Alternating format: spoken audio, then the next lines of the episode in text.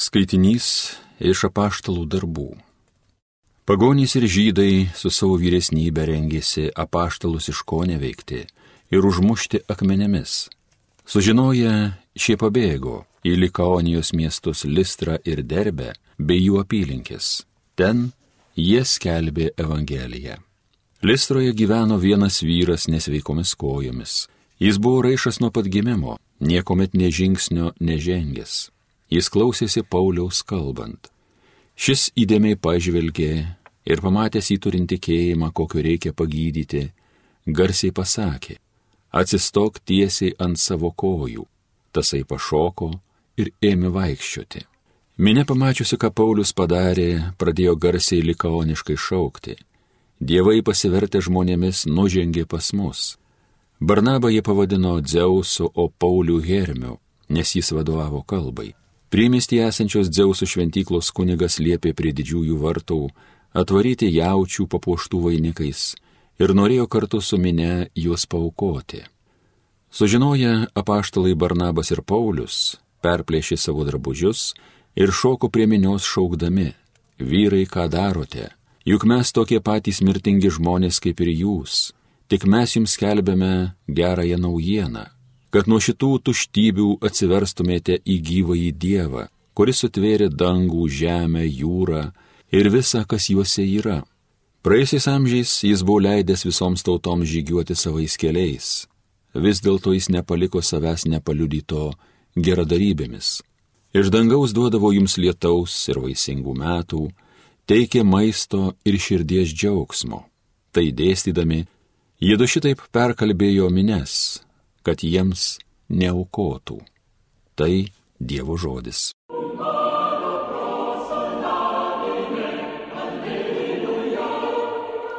Ne mums, o viešpatie Dieve, lai tavo vardui didi šlovė būna. Ne mums, vai ne mums, o viešpatie Dieve, lai tavo vardui didi šlovė būna, dėl tavo malonės ištikimybės. Pagonys tegu neburnoja, kurgi tasai jūsų Dievas. Ne mums, o viešpatie Dieve, lai tavo vardui didi šlovė būna. Mūsų Dievas dangui viešpatauja, ką jisai nutarė, tą ir padaro. Pagonių stabai iš aukso sidabro, žmogaus rankų jie padaryti. Ne mums, o viešpatie Dieve, lai tavo vardui didi šlovė būna.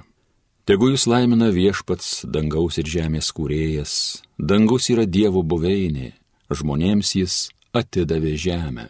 Ne mums, o viešpatie Dieve, lai tavo vardui didi šlovė būna. Alleluja, alleluja.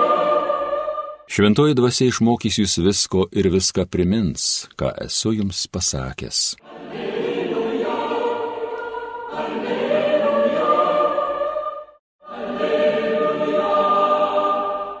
Iš Šventojios Evangelijos pagal Joną. Jėzus kalbėjo savo mokiniams, kas pripažįsta mano įsakymus ir jų laikosi, tas tikrai mane myli. O kas mane myli, tą mylės mano tėvas ir aš jį mylėsiu ir jam apsireikšiu. Judas, nenasis karijotas, paklausė viešpatie, kas atsitiko, jo ketini apsireikšti mums, o ne pasauliui. Jėzus jam atsakė, Jei kas mane myli, laikysis mano žodžio ir mano tėvas jį mylės, mes pasieteisime ir apsigyvensime. Kas manęs nemyli, mano žodžių nelaiko, o žodis, kurį girdite, ne mano, bet tėvo, kuris yra mane siuntęs. Aš jums tai pasakiau, būdamas pas jūs, o globėja šventoji dvasia, kurį mano vardu tėvas atsiūs, jis išmokys jūs visko ir viską primins, ką esu jums pasakęs. Alleluja, alleluja, alleluja. Brangus Marijos radio klausytojai, gyvename didįjį Velykų laiką.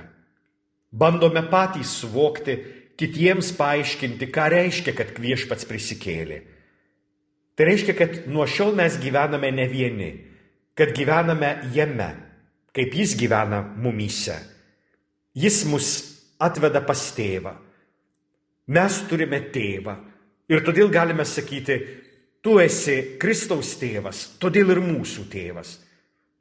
Ir visą tai leidžia padaryti šventoji dvasia, kurią jis įliejo į mūsų širdis ir kurią gauname per sakramentus, per krikštą, per sutvirtinimą, per Euharistiją. Per kiekvieną sakramentą šventoji dvasia vis kitaip veikia, vis kitaip keičia mūsų širdis. O šiandien mes kalbame apie meilę.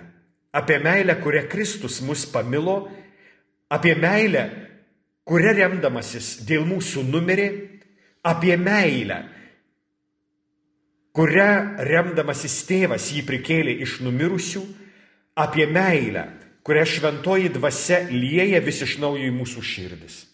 Kas mane myli, laikysis mano žodžio ir mano tėvas jį mylės, mes pas jį ateisime ir apsigyvensime. Štai, e, štai šita dinamika, apie kurią kalba Jėzus. Mes galime būti tėve per Kristų, šventosios dvasios galybę. Beje, kiekviena Romos kataliko arba lotynų malda yra skirta tėvui per sūnų šventojoje dvasioje. Mes kreipiamės į tėvą per sūnų šventojoje dvasioje. Tėvas mūsų balse girdi sūnaus balsą ir tai leidžia padaryti šventoji dvasia. Apaštalas Paulius pasakys, šventoji dvasia mūsų širdyse kalba nenusakomais atodusiais. Šventoji dvasia visada kalba mumyse. Jėzus mums padovanojo Dievą. Šitaip yra pasakęs Benediktas XVI, kalbėdamas apie tai, ką Jėzus yra dovanojęs pasauliui. Jis dovanojo Dievą. Ne šiaip savo kokį nors Dievą, kokį dovanojo kiti, bet Dievą, kuris yra tėvas ir sūnus ir dvasia. Dievą, kuris yra bendrystė savyje. Dievą, kuris nėra vienišas, atsiribojęs, nepasiekiamas, nesidomintis nieko, kas vyksta. Dievą, kuris viską sukūrė ir paliko savo. Kristus padovanojo Dievą, kuris yra tėvas ir sūnus ir dvasia vieną, bet ne vienišą, vieną bendrystę, vieną santyki, vieną bendravimą, vieną bendradarbiavimą. Aš ir tėvas esame viena. Dvasia primins viską, ką esu jums kalbėjęs. Aną kartą kalbėdamas su jaunimu katekizmo grupėje gavau tokį klausimą. Kaip čia išeina? Mes sakome, kad Jėzus yra lygus tėvui, bet štai Jėzus sako, Tos valandos niekas nežino nei sūnus, nei angelai danguje, vien tik tėvas.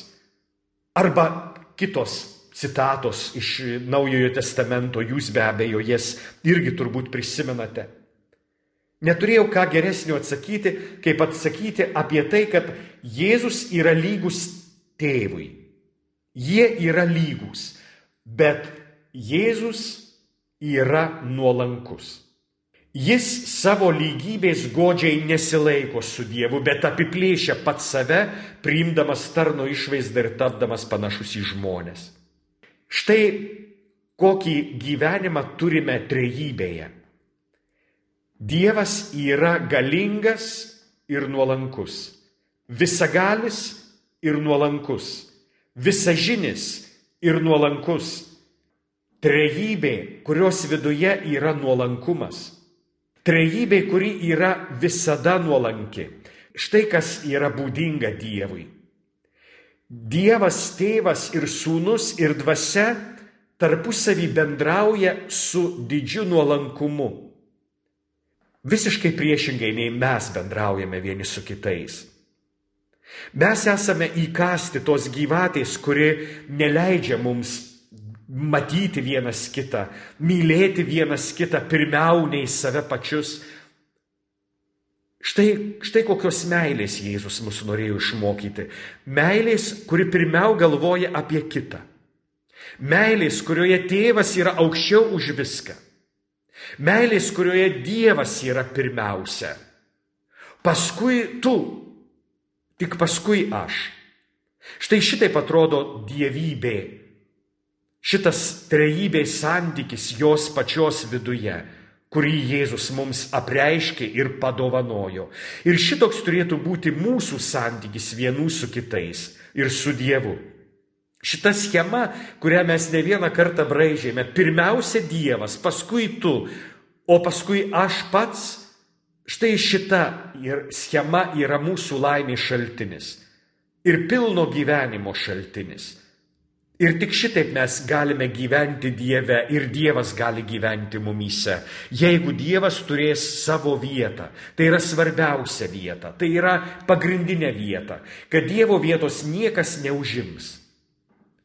Maldaukim, kad šventoji dvasia būtent šitokią dvasę įlietų, tą nuolankumo dvasę, kuri galėtų priimti nuolankų Dievą. Dievą, kuris tavęs nenori suniekinti, bet pakylėti, kuris nori ne atskirti, bet kaip tik apkabinti. Dievą, kuris rodo ne kuo esu skirtingas, bet kuo esu panašus. Dievą, kuris mus moko dieviško gyvenimo. Mes esame sukurti pagal Dievo paveikslą ir panašumą. Kristus šitą panašumą atkūrė ir davė šventąją dvasę kurios vienintelės dėka, jos, kuri jungia tėvą su sūnumi ir mus sujungia su švenčiausiaja trejybė, ji vienintelė gali mums vėl padėti būti kaip Dievas, pagal Dievą ir su Dievu.